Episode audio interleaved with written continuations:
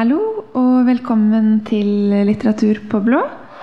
Jeg skal egentlig bare ønske velkommen eh, til samtale i kveld om Louise Gluck. Eh, Og da har vi med oss Anita Leirfall, som er førsteamanuensis i filosofi eh, ved UiB. Ingvild Berkey, som har oversatt boka, som er tema for kvelden. Eh, Vinteroppskrifter fra kollektivet. Eh, Og samtalen ledes av Alisha Rosé, som er poet, eh, illustratør og også redaksjonsmedlem i redaksjonen vår. Så da sier jeg bare lykke til, holdt jeg på å si. Og ja, vi gleder oss til å høre.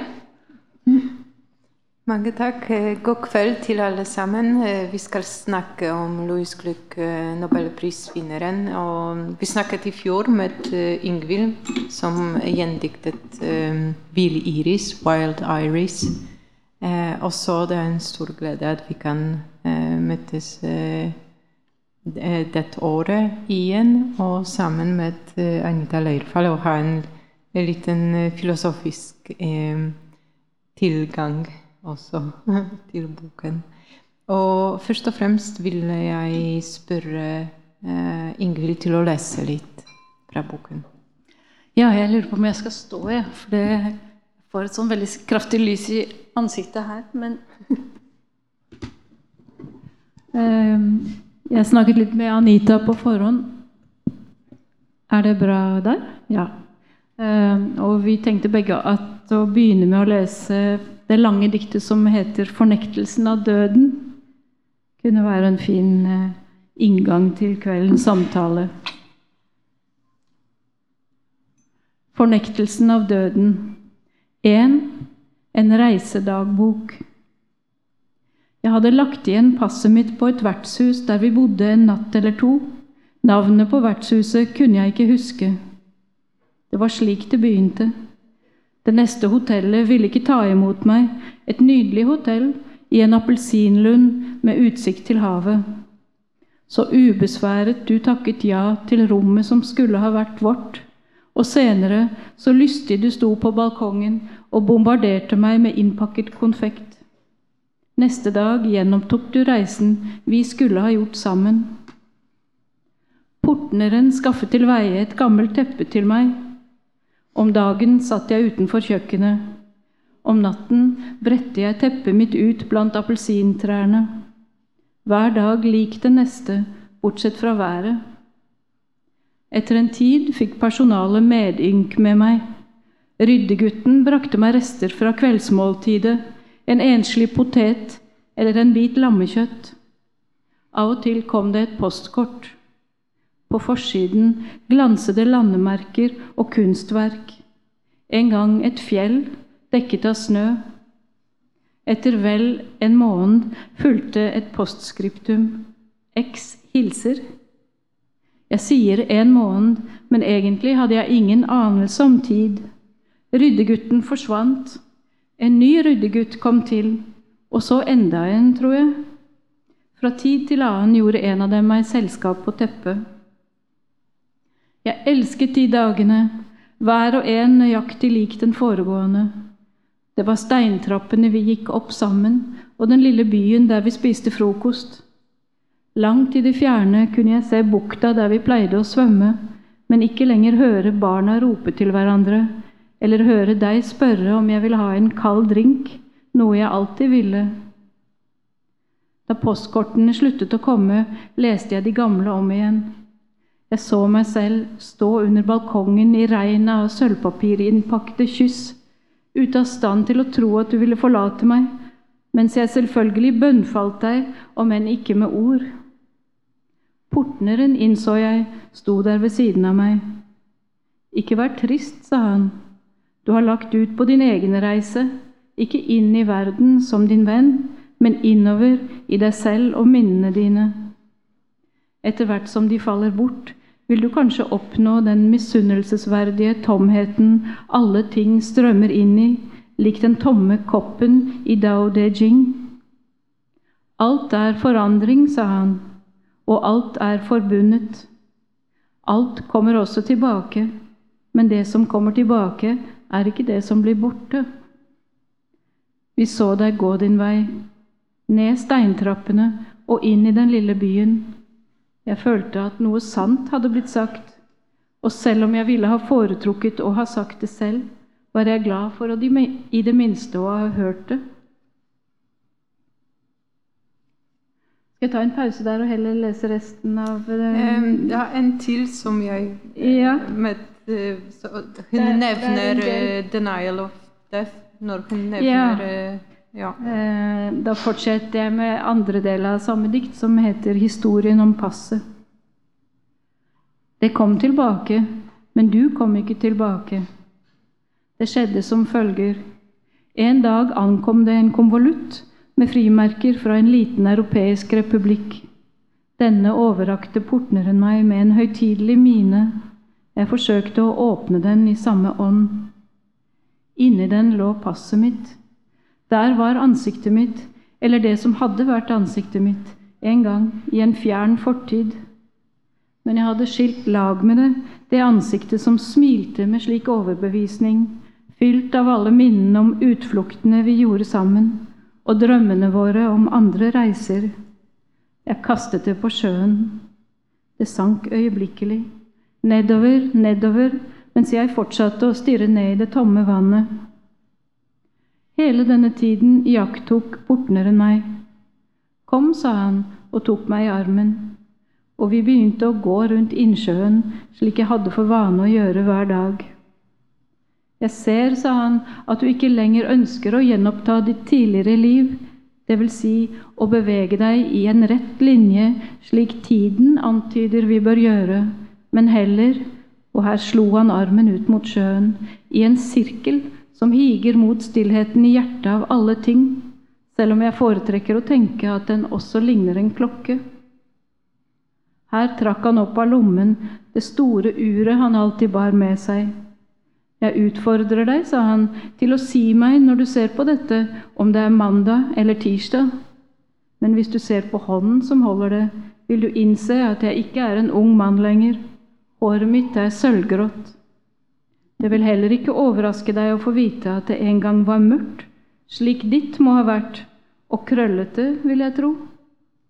Mens han fremsa disse linjene, fulgte vi begge med blikket en gruppe barn som lekte på grunna, hver kropp omkranset av en gummiring.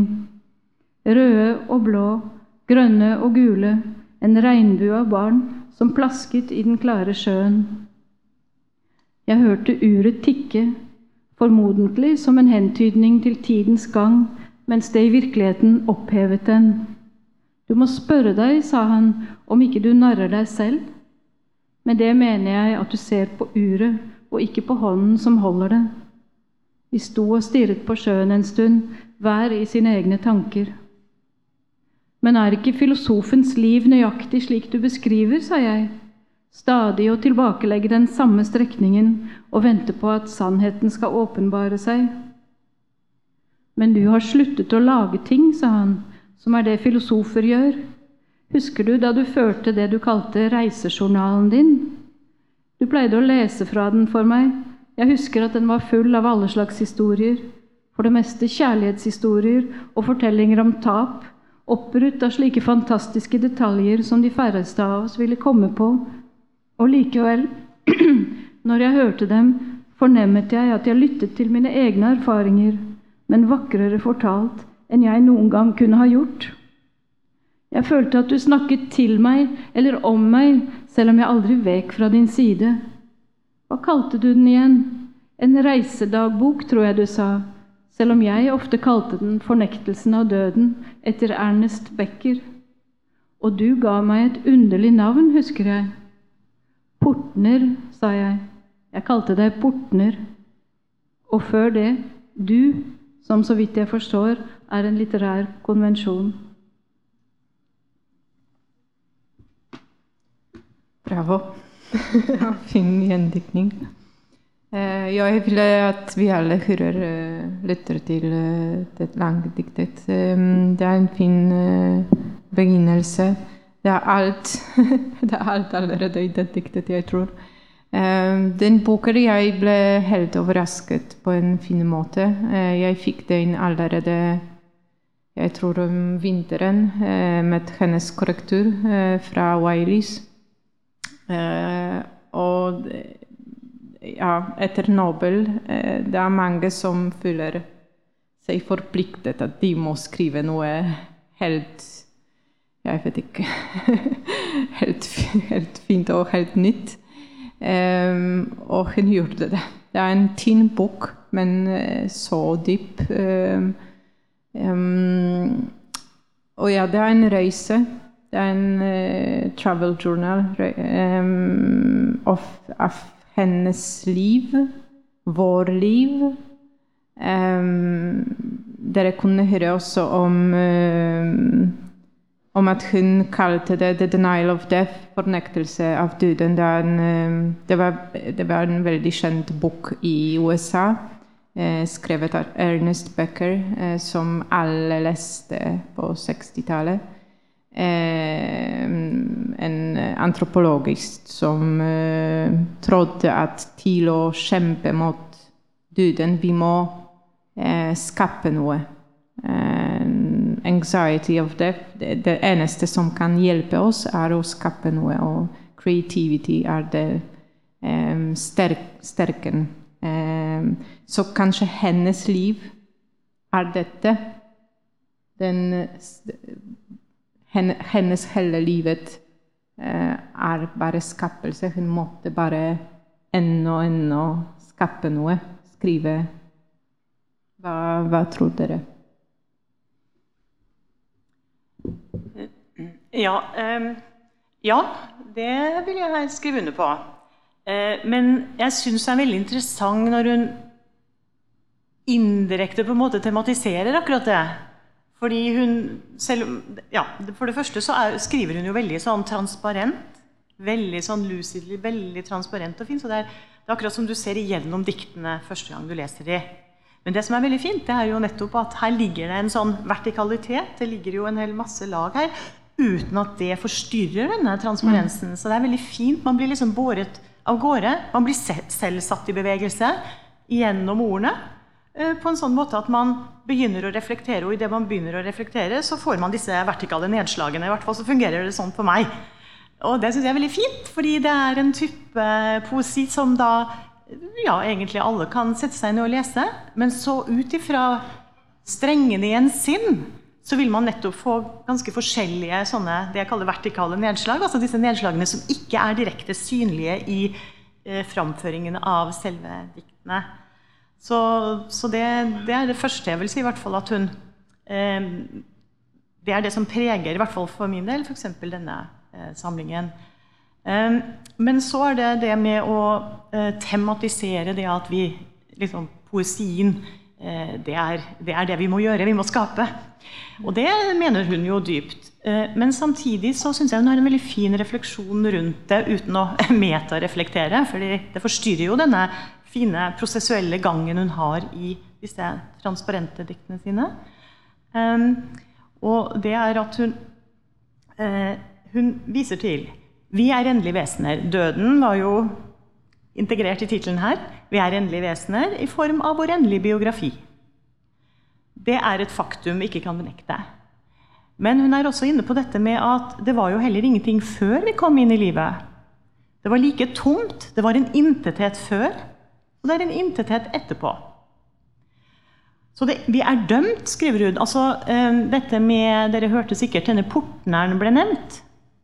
Nå er det litt sånn diskusjoner rundt omkring. Jeg skal ikke begynne med så mye sånn metatematisering, for det har jeg ikke hatt tid til selv. Jeg har, vært, jeg har ikke hatt lang tid på dette.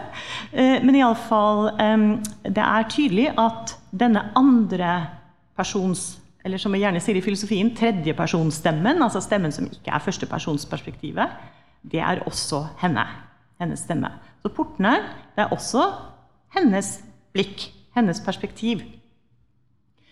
Og det er en måte å prøve å switche disse identitetene på, men uten at det blir en sånn tvungen eller søkt identitetsstudie si, av ulike identiteter. Men der må alltid være et blikk. Der må alltid være et blikk, Og uansett hvor dette blikket er, så er det endelig. Altså det, vi er kastet inn, for å snakke litt heideggersk her, inn i den samme endeligheten. Um, men når vi er det, så kommer vi inn på det du, dere var inne på. At vi har jo imaginasjonsevnen. Vi har forestillingskraften. Og det er en sterk kraft. Det vet vi, Den trenger vi til og med i det daglige når vi forestiller oss hva vi skal gjøre i morgen. Veldig sånn mundane. Men selvfølgelig så kan vi leke med den. Men det er der hun er interessant, syns jeg. Som eh, Kant anklager Platon for. Jo da, han brukte fornuften på en interessant måte. Der kom mye interessant filosofi fram. Men han fløt litt for langt på fornuftens vinger. Altså, det, det tok litt vel av. Og jeg kan kanskje si noe lignende eh, med Glück også. At ja, imaginasjonskraften er sterk. Den bringer oss ut av denne endelige horisonten som er vår kastethet, for å snakke Heideggersk. Altså, vi, vi kommer ikke ut av den. Det er vår endelige biografi som er gitt. Men når vi da bruker imaginasjonsevnen gjennom poesien, eller skaper i det hele tatt Hun begrenser det ikke, men naturlig nok så refererer hun jo til poesien. Da, men når vi skaper, så er det viktig for henne, sier hun, at for å finne det rommet hvor jeg skaper, så må jeg gå ned i følelsene mine. Jeg må ned i dette endelige vesenet, meg selv, som endelig. Og så må jeg få kontakt med følelsene mine. Jeg må få kontakt med det som driver og går, som en sånn prosess. Hun kommer nok tilbake til prosesser etter hvert også, men iallfall nå bare nevner jeg det en passant. Eh, den, den, prosessen som følelsene hele tiden er, den må jeg prøve å få kontakt med. For å kunne skape på en måte som er interessant i forhold til dette endelige perspektivet. Sånn at det ikke bare blir forsert eller ja, For henne er det i hvert fall uinteressant, kan vi si eksistensielt. da. Så Det likte jeg veldig godt, at hun er veldig opptatt av den forankringen også. Og vi kommer nok tilbake til det at hun har veldig mange av disse paradoksene. Ehm, det, og paradokser er eh, av ymse art. De kan være typer av prosesser, de kan være typer av dialektikk, som vi sier fint på filosofisk. Eh, men eh, når vi kommer tilbake til det, så skal jeg hvis det blir anledning. Jeg håper det, fordi det er viktig og sentralt i diktene hennes. Så skal vi si litt mer om det.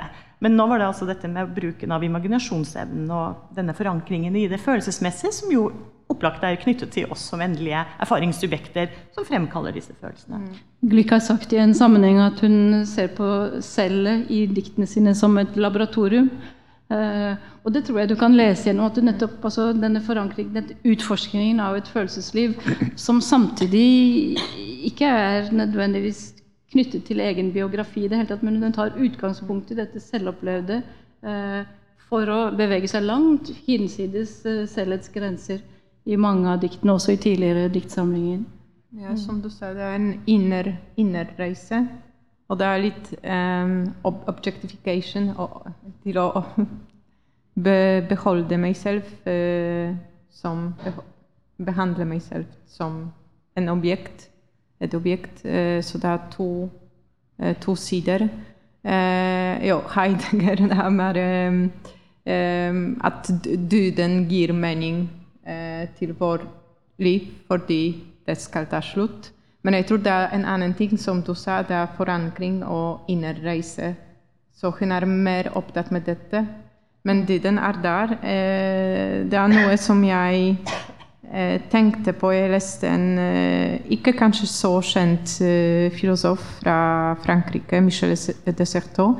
Men han sa noe som plutselig resonnerer med, med den boken, som jeg tenkte til å nevne her. Kanskje det kan inspirere dere og eh, bringe noe til vår samtale. Um, le passé est-il fiction du présent? Uh, fortiden er en fiksjon av nåtiden. Kanskje det er det som hun gjør. Uh, han også sier uh, parlent de l'histoire, ils sont toujours situés dans l'histoire. de som snakker om historien, de er alltid plassert i historien. Er det hennes plass eller ikke? Ja, jeg vil nyansere det litt, men jeg vet ikke om du har noe Nei, først? la deg Fordi si eh, si, Den måten vi kan tenke om har vi jo flere forstå tiden. Eh, der har vi jo flere innganger. Filosofien har en del verktøy der. Og det jeg syns er interessant med Gluck, er jo at uh, litt, Grunnen til at jeg var litt uenig, eh, sånn, og det går på at det er ikke bare det er ikke en sånn fra A til B, og så er det en fiksering fra B for å kaste lys over A, hvis jeg skjønte det riktig. Men både, det er hele tiden en frem- og tilbakekasting. Altså både hvis vi, hvis vi tenker fortid, nåtid og fremtid, da, så når vi er i fremtiden, så kan vi kaste tilbake til det som er nå, nå-nåtiden, eventuelt tilbake til fortiden. Så hun, jeg vil si at hun har en type multidimensjonalitet mm. når det kommer til tiden, eller temporaliteten, som vi sier på film, i hvert fall. Um, og der, uh, i hvert fall tendensielt Dette er ingen, ingen sånn det er, en, det er, ikke et motiv som jeg presser på fortolkningen. for det, er veldig ydmykt. Det er derfor jeg leser poesi, og for jeg vil den skal frisettes. Men bare for å av og til kanskje kaste et lys man kan tenke ut fra, og så kan man fri seg fra det igjen. Men, men en måte å F.eks. Einstein, fysikeren, han sier jo 'time is an illusion'. Fordi når vi, Og det samme um, følger også en som heter MacTaggart, en analytisk filosof fra forrige århundre. De er veldig enige på det følgende punktet, selv om de ikke snakker direkte sammen. Men jeg mener at de er enige. Eh, og det er at vi, vi kjenner alle det problemet. Punkt at i det vi har nåtiden, og ser på punkt nåtid og ser på fremtiden, ja, så er det allerede blitt fortid. Så med andre ord, det er veldig vanskelig å fastholde forholdet mellom fortid, nåtid og fremtid. Fordi straks vi forsøker det, så ser dere, da er, allerede, da er allerede fremtiden blitt fortid, og vi har et nytt nå-punkt. Det er det som ligger i denne illusjon, altså tiden som den form for illusjon. Det kaller Taggart A-rekker eh, for tid. Men så sier det fins også en B-rekke for tid. Altså vi kan f.eks. snakke om tiden som noe som er før noe eller etter noe. Men den er dyadisk. altså Da har vi ikke de tre punktene fortid, nåtid og fremtid. Da har vi bare to punkter. Nemlig det som er før, og det som er etter. Så der har vi en annen type fiksering. Men den type fiksering er nettopp ikke dynamisk. Det er den dynamikken mellom fortid, nåtid og framtid som er spennende. Og jeg mener at det er den dynamikken uten at Glück må forplikte seg verken på Einstein eller McTaggart. Men det var bare for å forsøke å belyse det litt mer. At uh, det er den måten hun kaster disse perspektivene fram og tilbake på. Fordi det er ikke mulig uansett å fastholde de. Det er en illusjon i den forstand. Men samtidig så er vi jo dømt til det i vår, som jeg sa innledningsvis. Vi, vi er dømt til vår endelige vår sanser, sier hun. Vi har sanser, og disse sansene er knyttet til vår endelighet. Naturlig sanse igjennom tingene. Eh, panoptisk blikk på ting. ikke sant? Vi må sanse igjennom tingene. Og eh, det gir oss også en endelig persepsjon. Og det er ut fra det som vi har snakket om allerede, at imaginasjon, altså eh, skaperkraften, da kan, mm. kan forankres. Ja, men samtidig det er bare et barndom, en gamle, og vi skal dø. Vi har og så Vi er gamle, og vi skal dø. Så det, det skjer bare én gang. Når det gjelder barndom, en, en av tingene som slår meg i denne samlingen, er det er mange dikt hvor bl.a.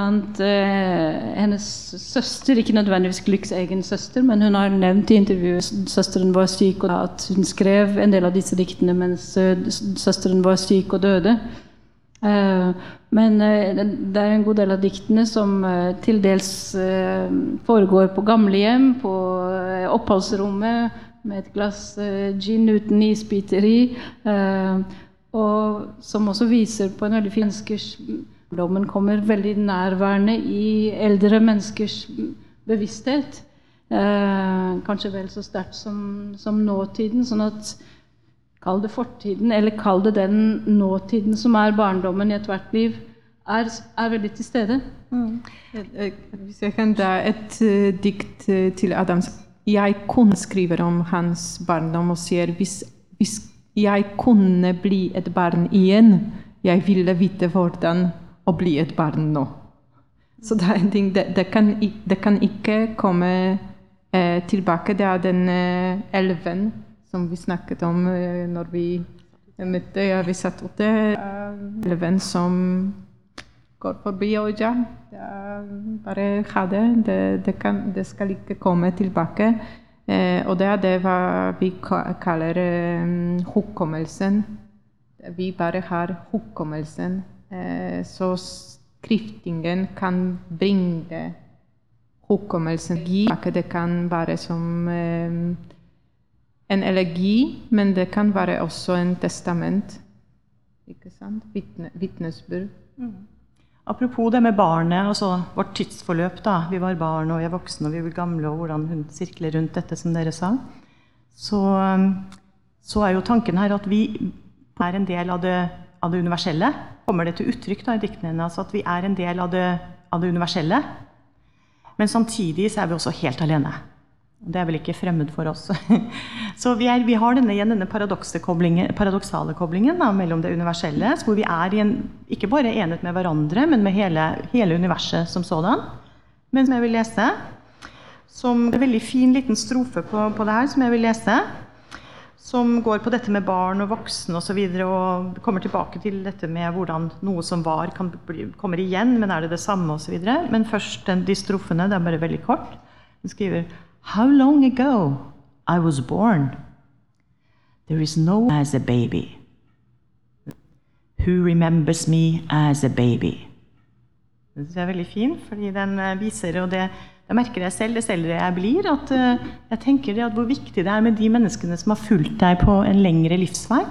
For de ser andre ting hos deg, de kjenner andre fasetter enn de du har møtt senere. Det er ikke noe galt med å, å, å bli og livsutfoldelsen og hva vi er, rikdommen da, i forhold til, eh, til liv, og livsutfoldelsen og hva vi er i et sånt dypere fellesskap, som er interessant. Så jeg syns den er veldig vakker, denne strofen. Ja, også når søsken begynner å forsvinne, som de tidligere har gjort fra hennes liv, så er det nettopp ingen som husker den samme mm. uh, altså, Det er få som kjenner veldig parallelt, men Vi trenger kanskje. Mm. Fordi man lever dem mm. veldig parallelt. Men Vi trenger vitnesbyrd. Ja. Mm, nettopp. Ja. Eh, men den, den, elven, den hukommelsen, eh, det er en eh, gammel eh, tanketradisjon av eh, Dao De Jing, som hun også nevner i boken. Eh, eh pro, proverb, eh, bok av filosofiske eh, pro, proverbs. Kan du hjelpe meg til? proverbs. Ja, liknelser, kan jeg si. Nei. Ordspråk. Ordspråk. Ja. Ordspråk.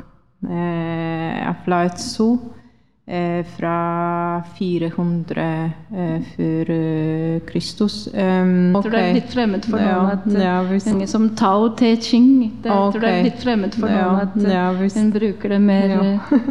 ja. Tao Te Ching. Så eh, det, det, når hun sier at hun kaster ut passport Det er litt som hun ville si 'jeg bryr meg ikke'. Først hun vil få den, hun bryr meg ikke. Og så når hun vil få den, hun bare Og så når hun endelig får den, hun bare kaster den. Også fordi hun opplever at det er ikke lenger Ansiktet i passet er ikke lenger Hennes ansikt er ikke lenger den samme personen. Man er stadig i ferd med å bli noe annet. Mm. Man er uh, ustabil. Noe annet. Mm. Uh, det er ustabilt. Alltid.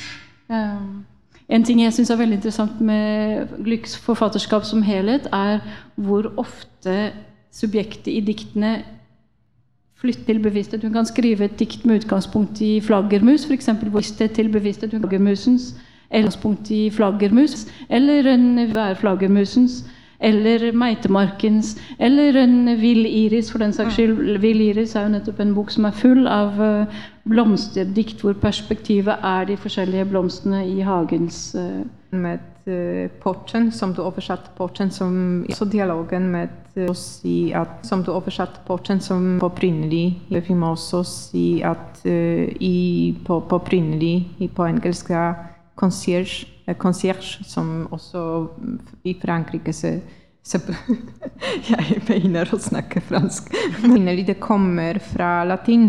Eh, fra latinsk. Og, eh, opprinnelig det kom servus latin. Eh, fra latinsk er sammen con servus. Eh, vi, så vi er sammen eh, slaver. Medslave. Medslave. Eh, men eh, i Frankrike det fungerer også som en mann som eh, nå det, også, det fungerer fortsatt på det, men også nå og det fungerer fortsatt på Paris. Der, på, i hus, hvert hus i Paris. Det er kanskje ikke hvert Nei, nei, jeg overdriver. Men dere kan fortsatt møte concierge i Paris uh, qui, åpner døra til, til, dere og spør hvem åpner skal du? Døra til, til, dere og spør hvor skal du? Hvor, hvor skal du? Uh, bor du her, eller hvor skal du? Det, skal du besøke noen? Så det er noen som passer på alt og tar vare. Um, så det er to ikke, det, det ordet fungerer ikke på Nei, norsk. Dessverre. Jeg forstår det er ikke ja, i bruk på norsk. Eh, det mest nærliggende i hotellsammenheng ville være en resepsjonist, men det er ikke det mest nærliggende i hotell ville være en resepsjonist, men da minner døren den som mm. dette aspektet med portvokter, portner, den som åpner døren, den som har nøklene. Sånn at jeg kunne dessverre Ja, ja og det er også hotellet, så det er også interessant. I Frankrike det også pleide å være Hotel Dieu eh, sykehus eh, hvor f.eks. eksempel eh, Vincent van sykehus eh, hvor f.eks. Vincent van Gogh eh, kunne eh, kom, Mistet og mistet. mistet. Det er ironisk måte til å si. han ville ikke ha bort med det. han ville ikke ha bort med det. Så eh, det er også interessant at det, Hvor er vi? Hva er dette hotellet, og hvem er den Nei, Det er veldig bra, og du har gitt gode grunner, selvfølgelig. Men eh, eh både dette at konsert er medslave, som du sa, sånn etymologisk Både dette at konsert er medslave, som du sa, sånn etymologisk, og portneren Eh, fordi som medslave, hva er det medslaveriet her? Jo, eh, denne portneren da, er også et endelig vesen. Samtidig så er jo eh, det blikket som portneren kan ha Samtidig er jo også en som åpner døren. så denne portneren kan jo også være en, en, som åpner døren. Så denne portneren kan jo også være en, den som, gitt denne endeligheten og bundetheten, allikevel kan hjelpe oss å åpne døren. Han får jo denne rollen ikke sant, med det blikket som dere snakket om. Døråpneren som en som kan gi ytterligere en sånn åpning inn i, inn i det. Som døråpner da, eller altså vår, vår, tilværelse. En sånn åpning inn. Og eh, da, eller altså vår, vår tilværelse. Og eh, jeg tenkte på det med eh, dette med si, I denne tilværelsen da, med denne portvokteren som vi snakket om Alt er i forandring, for å sitere det du leste i sted. Alt er forandret. Altså og alt er forbundet. Det du leste i sted, ikke sant? tilbake, og alt er forbundet. Alt kommer også tilbake, men det som kommer tilbake, er ikke det samme som det som ble borte. Og dette for meg viser det at her er det ble eh, personene som Nå ser jeg det derfra og derfra. Multiple eh, identiteter er det veldig nå ser jeg det derfra. Jeg ser det som at vi identiteter er det veldig vanlig å snakke om. Jeg ser det som at vi alle er dømt til å ha et eller annet personer. Også for å ha denne endelige sanseligheten med de endelige persepsjoner. Også for å få utvidet dette, ja, så kan vi begynne å, med portvokter, portvokteren som med til hjelp. Um, og eh, da, da, er det jo litt interessant dette med prosesser, fordi det er veldig lett å tenke Hvis vi tenker tilbake til Heraklit litt interessant dette med, Han levde jo lett å tenke Hvis vi tenker tilbake til her før Kristus, eller for Han levde jo fire-fem århundrer før Kristus, eller for vår tids, tidsregning, skal man si i dag, så tenker jeg at ja, alt flyter. Eh, og det betyr det fins ikke noe som er fast. Men som vi alle vet, at hvis alt flyter, så f.eks. Han, han bruker jo dette med elven. ikke flyter, så stige ned i den samme han, han, bruker jo dette med elven. Den alt flyter. Kan ikke stige ned i den samme elven to ganger fordi den alt flyter. Men det er ikke en innsjø, det er ikke en, et hav. Det er fremdeles en elv. Så det må jo være noe som fastholdes her, da. Selv om det driver og flyter hele tiden, og at vi ikke kan steppe ned i akkurat det stollet her, da. Selv om det driver for en tiden, og at vi ikke kan steppe ned i akkurat det samme. Men det er jo likevel som fløt forbi for en time siden eller to dager siden. Men det er jo likevel en elv. Sånn, at, sånn ser jeg også på glykk vi som mennesker da, er i. Det er hele tiden den flyten som vi ikke kan komme unna. Men samtidig så er vi jo også noen, eller noe, altså et blikk. Men samtidig så er vi jo også noen, eller noe, altså et blikk, et perspektiv. Eh, og, og det, det, kommer vi aldri utenom. I likhet med at elven, selv om det flyter masse i denne elven, iallfall det caset, eller tilfellet, hvor den bare forblir en elv. Så det er noe med denne prosessen i for seg som er bevegelse, samtidig som der er en enhet. Prosessen i for seg som er bevegelse, samtidig som der er en enhet. Så Det er denne enheten som hun også det er der jeg tenker at hun har denne vertikale innreflekteringen. Da. Horisontalt så kan vi sitte og snakke om disse ut, horisontal utfoldelse som vi har i dette endelige perspektivet. Men den får all ut sånn vertikal uh, forankring. Det er Ops, vi er fremdeles uh, forankring. Det er Ops, vi er fremdeles Jeg er fremdeles et menneske, og jeg er fremdeles koblet til universet. Men jeg kan ikke ta inn det på en gang. Den form for paradoksalitet, og det at vi samtidig er universelt tilkoblet. Så, hun gjør veldig fint da, i den, når hun tilkoblet folder ut, kan vi si, bruker en metafor, gjør veldig fint da, i den, når hun skriver og folder ut, kan vi si, bruker en metafor, altså horisontalt, det hun skriver om i diktene, så greier hun veldig ofte å tippe oss ned til en sånn besinnelse på denne vertikale forbindelsen og universet. Ja. Jeg, jeg, tror det er første gang som hun virkelig bruker seg selv som objekt. Så, så tydelig. Før vi hadde Vill Iris.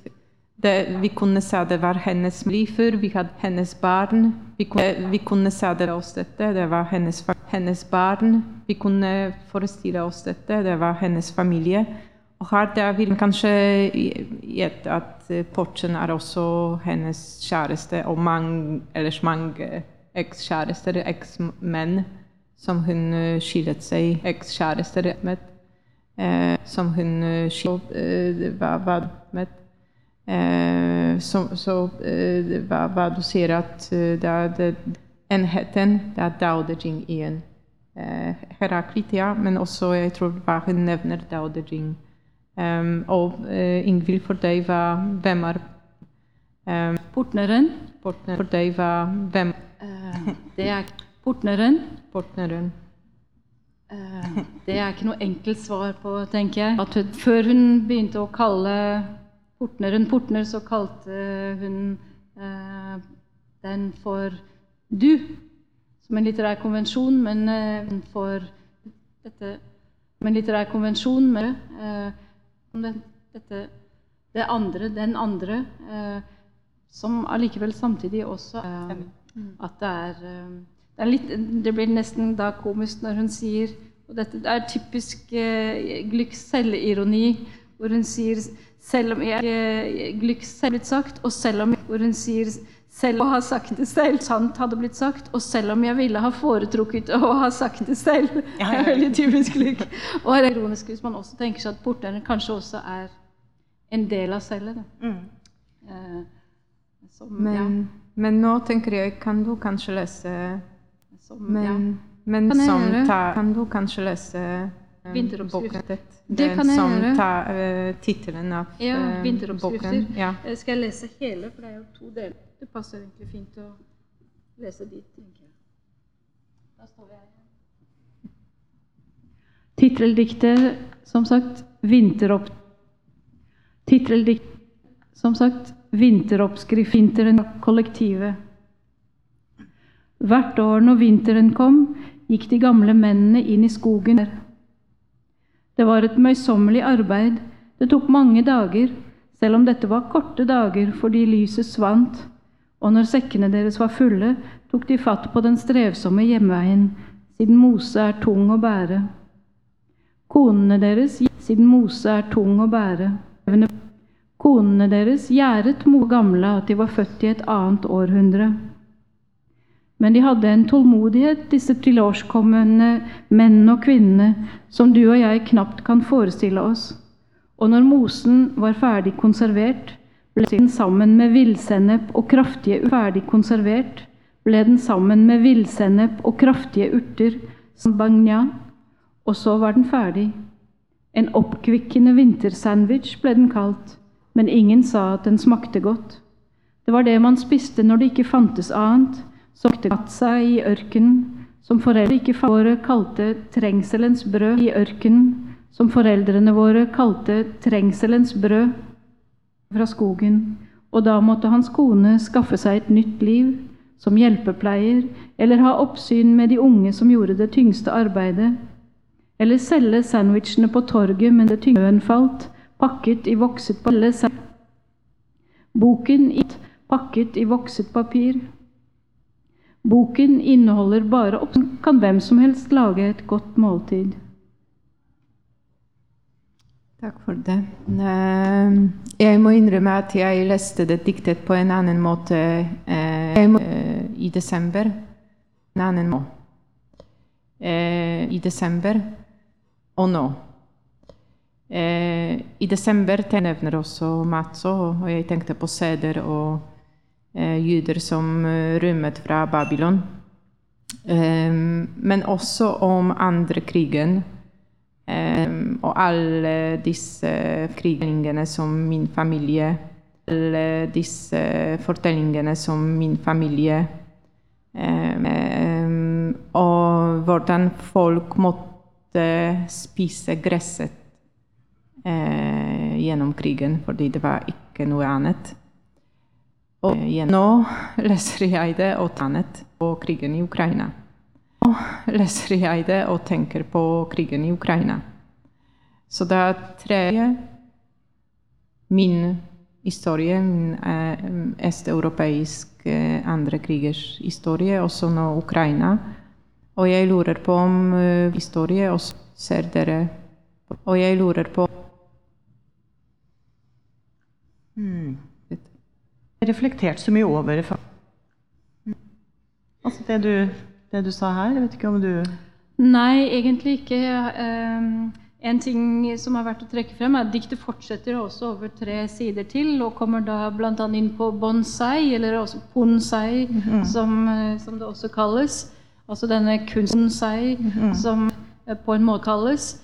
Altså denne synspunkt. Det er noe grotesk og grufullt med denne tanken å beskjære trær så de egentlig blir helt um, Ja, eller uh, misformet, om, deformert på et vis. Samtidig som det er også det er et veldig estetisk prosjekt å skulle forme disse, Det er et veldig estetisk fyrtrær å skulle forme disse Når jeg leser diktet som helhet om dette med å beskjære bes- altså Få det inn i former også er en metafor for det å skrive poesi.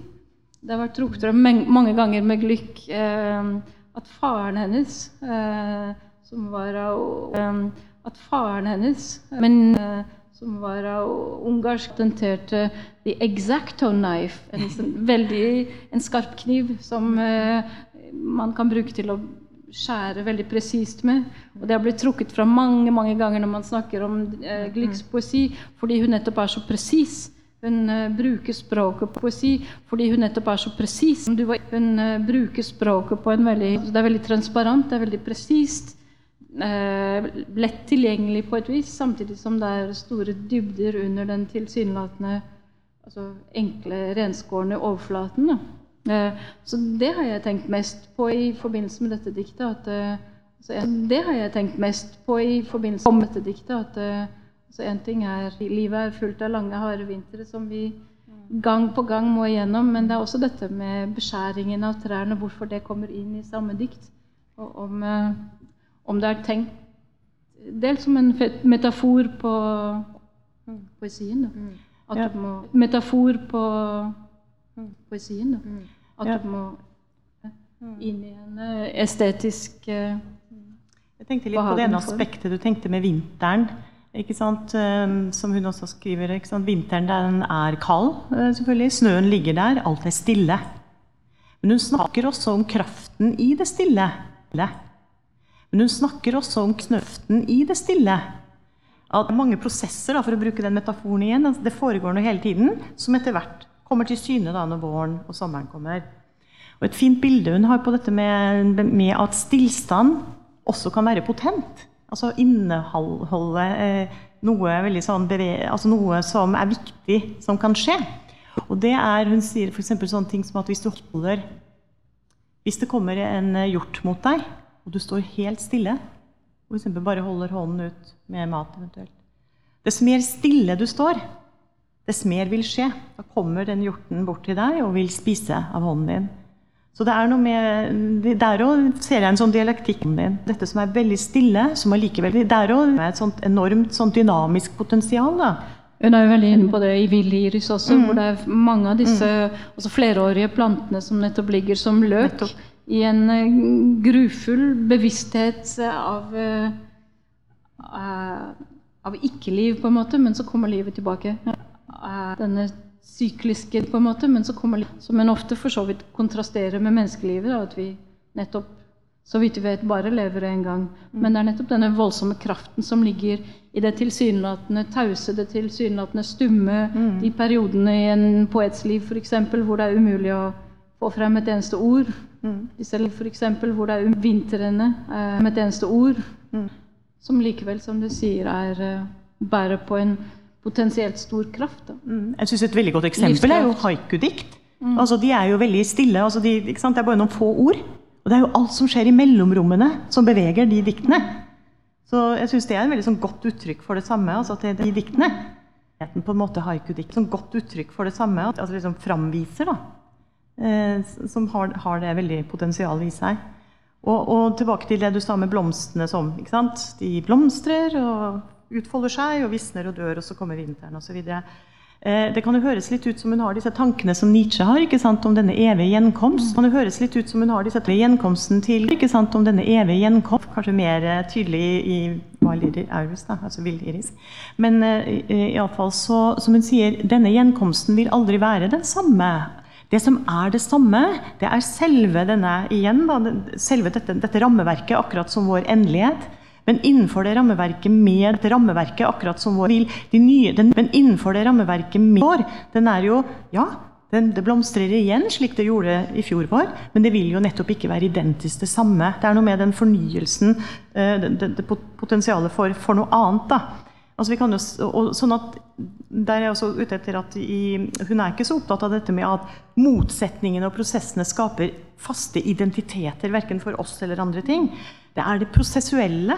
At det er, det er, det som er det vesentlige. Og at i den prosessen så har vi igjen den paradoksaliteten hennes. Vi har noe forskjellig, men så er det også noe som er det samme. Bare tenk på en fløteis. Først har vi fløte. Så fryser den til is. Og så smelter den kanskje. Og så fryser den kanskje til is en gang til. Det har skjedd noen ganger. Og hva skjer da når vi spiser den samme isen? Den smaker ikke helt som den gjorde før den var gjennom den prosessen, men det er jo, det er jo, den er jo tilbake til å være en is.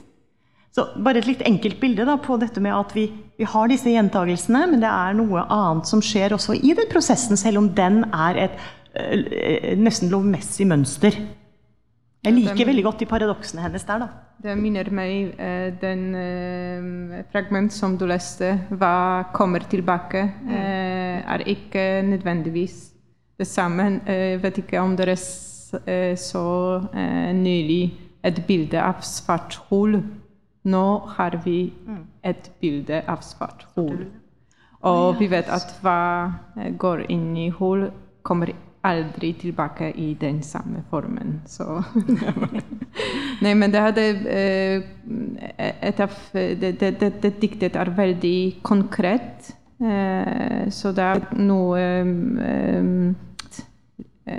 litt annerledes når vi tenker på hele boken. Men det er ett til som er veldig konkret, som jeg liker veldig godt, som kanskje du kan lese.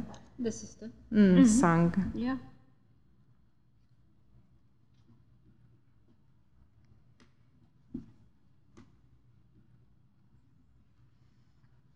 Sang. Leo Kroos lager de vakreste hvite skåler. Jeg tror jeg må få sendt deg noen, men spørsmålet er hvordan i disse tider. Han lærer meg navnene på ørkengresset. Jeg har en bok, siden å se gresset er umulig. Jeg har en bok og synes tingene menneskelagte er umulig, vakrere enn det som finnes i naturen. Og jeg sier nei. Og Leo sier vent og se. Vi legger planer om å gå turveiene sammen. Når, spør jeg ham. Når? Aldri igjen. Det er det vi ikke sier. Han lærer meg å leve i fantasien. En kald vind blåser mens jeg krysser ørkenen. Jeg kan se huset hans i det fjerne. Det stiger røyk fra pipen. Det er ovnen, tror jeg. Bare Leo lager porselen i ørkenen. Å, sier han, nå drømmer du igjen. Og jeg sier, da er jeg glad jeg drømmer, at ilden ennå lever. Takk.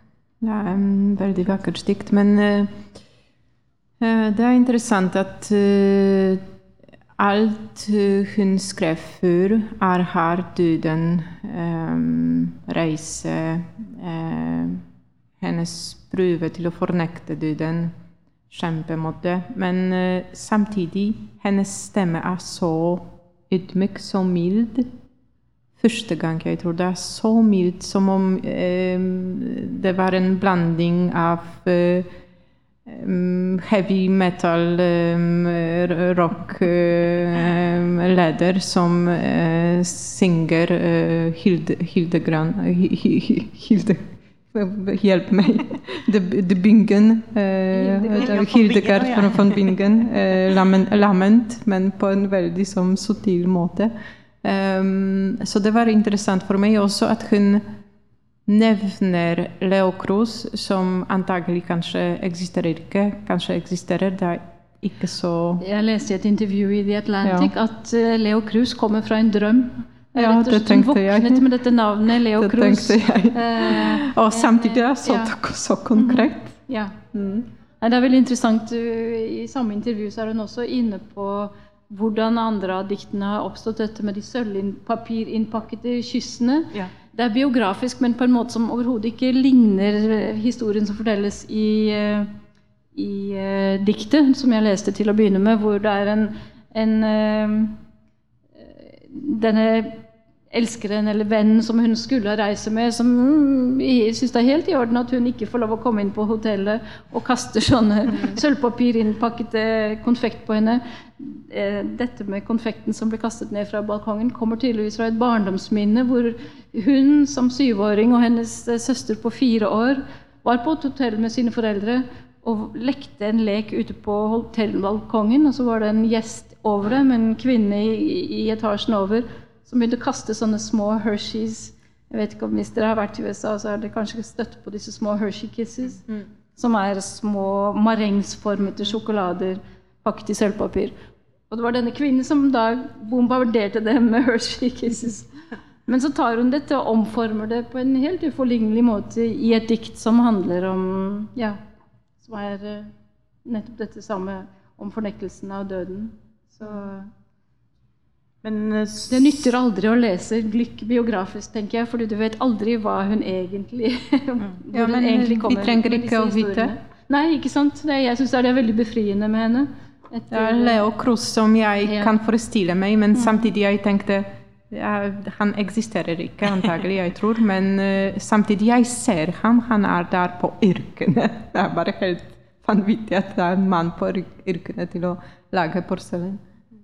Som jeg vel var inne på for min del innledningsvis, da, så er jo nettopp dette, den døden Det er fort gjort å tenke at det er noe negativt, ikke sant? men det er ikke ubetinget noe negativt. For det er på en måte en sånn en slags sånn realisering og, Eller erkjennelse og, og, og, av et faktum. At døden er der. Og eh, det hun er ute etter, er ikke som, jeg sa også, da, at det er ikke noe sånn at vi, vi blomstrer, og så dør vi, og så fornekter vi den døden. Men det er mer at hun tenker seg at vi skal bli flinkere, eller vi, vi må besinne oss på at det som er det beste, det er egentlig å ha en sånn intethet eller tomhet som døden er, eh, så tidlig som mulig. Altså dette er, ikke sant, Bodhisattvaen opp, oppnår jo nettopp denne frigjøring fra begjæret til slutt. Det er liksom endepunktet. Da er du blitt en bodhisattva. Mens her er tanken at du som et utgangspunkt skal ha, eller har en, en form for tomhet, fordi det er den som er mest pregnant. Det er den som gir oss nettopp denne skapende muligheten også. Så mm, litt, litt annen sånn Det er fort gjort å, å tenke, tenke at døden er et sånn negativt endepunkt, og så benekter vi den. Men det er ikke det. Altså, det er ikke den type dikotomisk eh, benektelse. Det er en tanke om at tom, tomheten og intetheten som døden også er, den er der både selvfølgelig i forkant før vår kastethet i verden, som jeg sa, men også det at hun, hun har det som et sånn ideal, fordi det er ut fra den, det vi kan vi, finne denne skapertråden. Og som vi var inne på med snøen og det som vokser Ja. under. ikke sant? Ja. Nei, jeg tror det er riktig sett at, eh, at den, den, eh, den egne døden er ikke nødvendigvis et nega, noe negativt i, i verken disse diktene eller i, i Glücks forfatterskap som sådan. Men det som er eh, tap, eh, altså tapsbelagt og tungt i diktene, er nettopp den andres død. Eh, altså at du blir værende i livet mens de du elsker, forsvinner fra deg. Det er en sånn uforglemmelig linje fra et dikt i samlingen eh, 'The Triumph of Achilles', altså Achilles' triumf, som går fritt etter hukommelsen og sånn som 'Why love what you will lose? There is nothing else to love'. Altså alt du elsker, kommer jo før eller senere til å altså, forsvinne ut av livet ditt. Og det er ikke en erfaring hun tar lett på i diktene sine. Mens den egne døden Ja, Du kan kan like gjerne se den er under rolig. eh, reisens perspektiv, eller altså det ukjentes. Dette, er- døden er jo nettopp noe radikalt ukjent for oss. Um, Ja, hvis vi kommer eh, tilbake til den filosofen som jeg nevnte, Michel Desertor, eh, han også sier eh, L'écriture construit un tombeau pour le mort. Eh, skriften bygger en grav for de døde, for, for døden. Um, så kanskje det er det. Det er ikke nødvendigvis elegi, som jeg sa, men en monument. Exegi monumentum, kanskje. Eh, men det, det fineste er at hun er, som jeg sa, hun er helt rolig, som du nevnte, men også hun ser til slutt at ilden er fortsatt der og eksisterer og ennå lever ilden. ennå lever. Mm. Så eh, det er noe nytt i, i hennes eh, skriving, tror jeg. Mm. Eh, den ilden. Det er også Hera- Heraklit. Men dette med å eh, bygge en grav, eller konstruere en grav Samlingen Ararat, som hun skrev eh, rundt tiden av hennes fars død, som mange tror jeg opplevde som et slags gjennombrudd. En virkelig sånn en, en, At forfatterskapet tok en vending med Ararat. Den har noen fantastiske dikt som nettopp eh, beskriver tiden eh, rundt farens død, og hvordan det er å sitte ved siden av ham. Eh, og, og se han forsvinne i noe. Men eh, Og du kan si Hun konstruerer da kanskje en, eh, en gravstein for faren med denne boken. Men eh, jeg vil si at kanskje noen har et spørsmål. Eh, Krangle med ja, eller ja, krangler. ja. Eh, skulle jeg komme med eller, kan, kan, du, kan du bare komme? Ja, kom gjerne opp.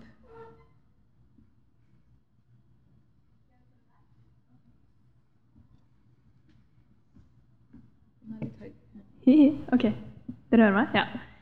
Um, jeg lurte på, Tusen takk for en veldig fin samtale. Det var veldig interessant å høre på.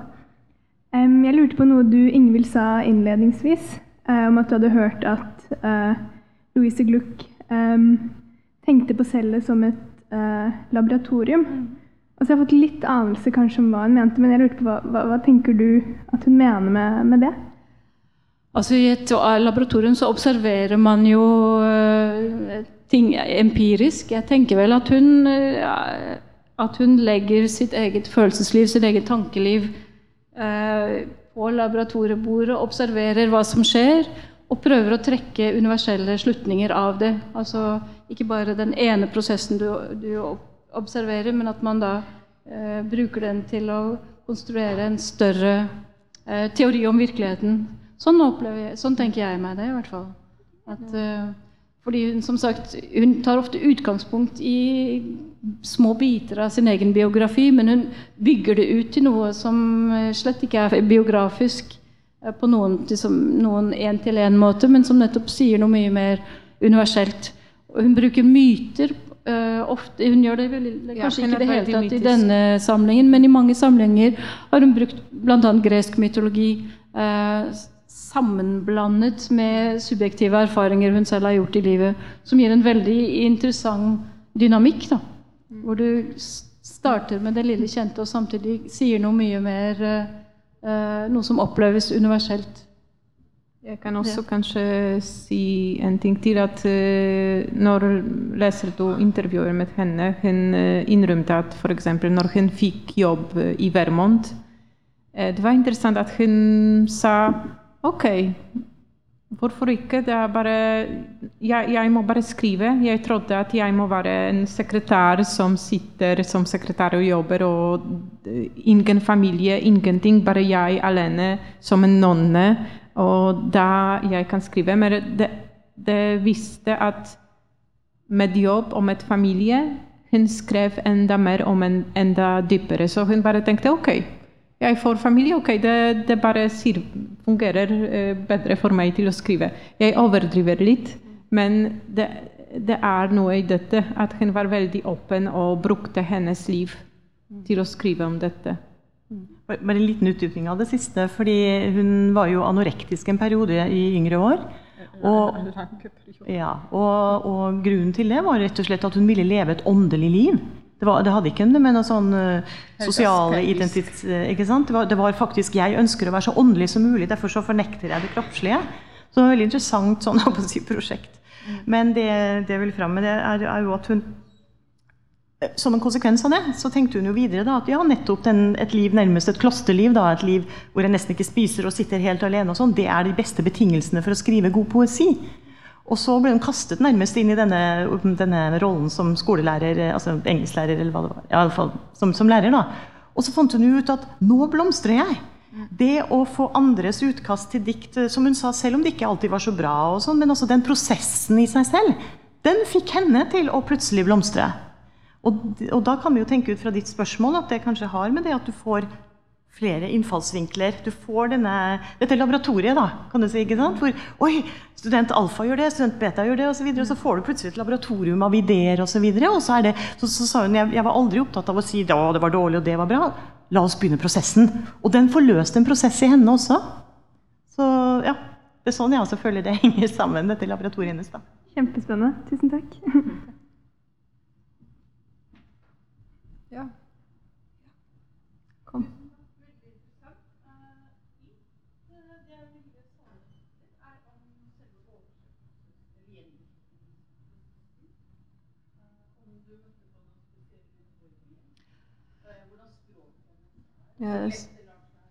Ja, spørsmålet er om uh, utfordringen gjennom prosessen av uh, gjendiktningen. Um, jeg, den forrige boken uh, som kom ut på norsk, var denne 'Vill Iris', som er nevnt flere ganger. Den opplevde jeg som en vanskeligere bok å oversette enn denne. Uh, men som alltid i, i, en gjendiktning, altså når det er poesi det er snakk om, så er det denne av og til vanskelige balansen mellom å finne uh, presisjonen, altså få med alle dobbeltbetydningene, alle mulige betydningene i originalen, samtidig som du ikke mister uh, musikken, rytmen, ofte syntaksen, som er viktig for uh, Glykk ofte. Og så klare å bevare disse uh, mer estetiske sidene ved diktene, samtidig som du beholder presisjonen i betydningen. Da. Dette med concierge var vi inne på. Eh, jeg, kom, eh, jeg, kunne ikke finne en bedre løsning på det. Eh, men ellers var det ikke noe sånn voldsomt store altså, I, i Viliris var det flere fraser for eksempel, som var, det var umulig å få helt helt uh, helt godt nok, da. Men, uh, men denne var i mindre grad uh, vanskelig, syns jeg.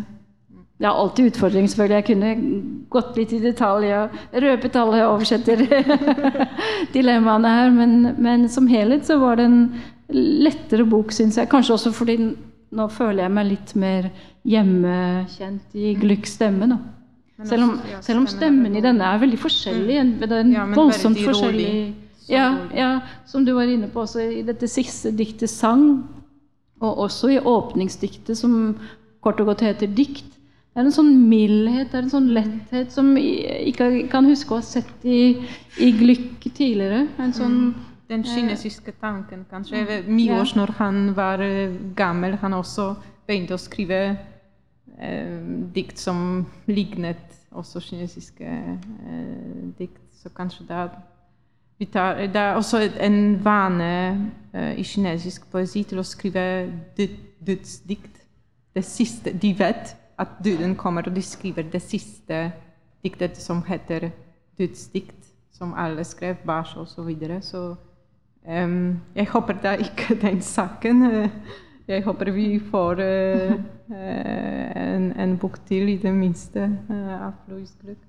Det gjør vi faktisk, fordi hun kommer allerede i juli så kommer det ut en prosabok som hun eh, har annonsert nå, som tydeligvis er skrevet som en fortelling til hennes to små barnebarn.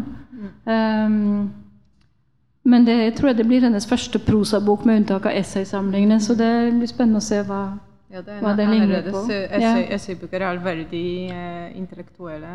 Ja, nei, dette tror jeg blir en fullstendig annen bok av en type mm, vi ikke har sett fra Glück før. Mm. Vil du lese Jeg tenkte å lese ett siste dikt, fordi det er jeg selv liker veldig godt. Eh, kanskje et godt sted å slutte, begynne, jeg vet ikke. Det er et dikt som heter 'Et minne'. Jeg ble rammet av en sykdom hvis opprinnelse aldri ble fastslått, selv om det ble vanskeligere og vanskeligere å opprettholde fasaden av normalitet, av sunnhet eller glede over tilværelsen. Etter hvert ønsket jeg bare å være sammen med dem som var som meg. Jeg gjorde mitt beste for å oppspore dem, noe som ikke var enkelt, siden de alle var forkledd eller lå i dekning. Men omsider fant jeg da noen følgesvenner, og i denne perioden pleide jeg iblant å spasere med den ene eller den andre av dem langs elvebredden og snakke med en åpenhjertighet jeg nesten hadde glemt. Og likevel var vi oftest tause, vi foretrakk elven fremfor det vi var i stand til å si. På begge bredder vaiet det høye sivet rolig, uopphørlig i høstvinden. Og jeg syntes jeg husket dette stedet fra barndommen, selv om det ikke fantes noen elv i barndommen min, bare hus og plener. Så kanskje var jeg, vei, kanskje var jeg på vei tilbake til tiden før barndommen, til glemselen. Kanskje det var den elven jeg husket. Mange takk eh, at dere kom og nyttet til poesi og vår samtale. Ja.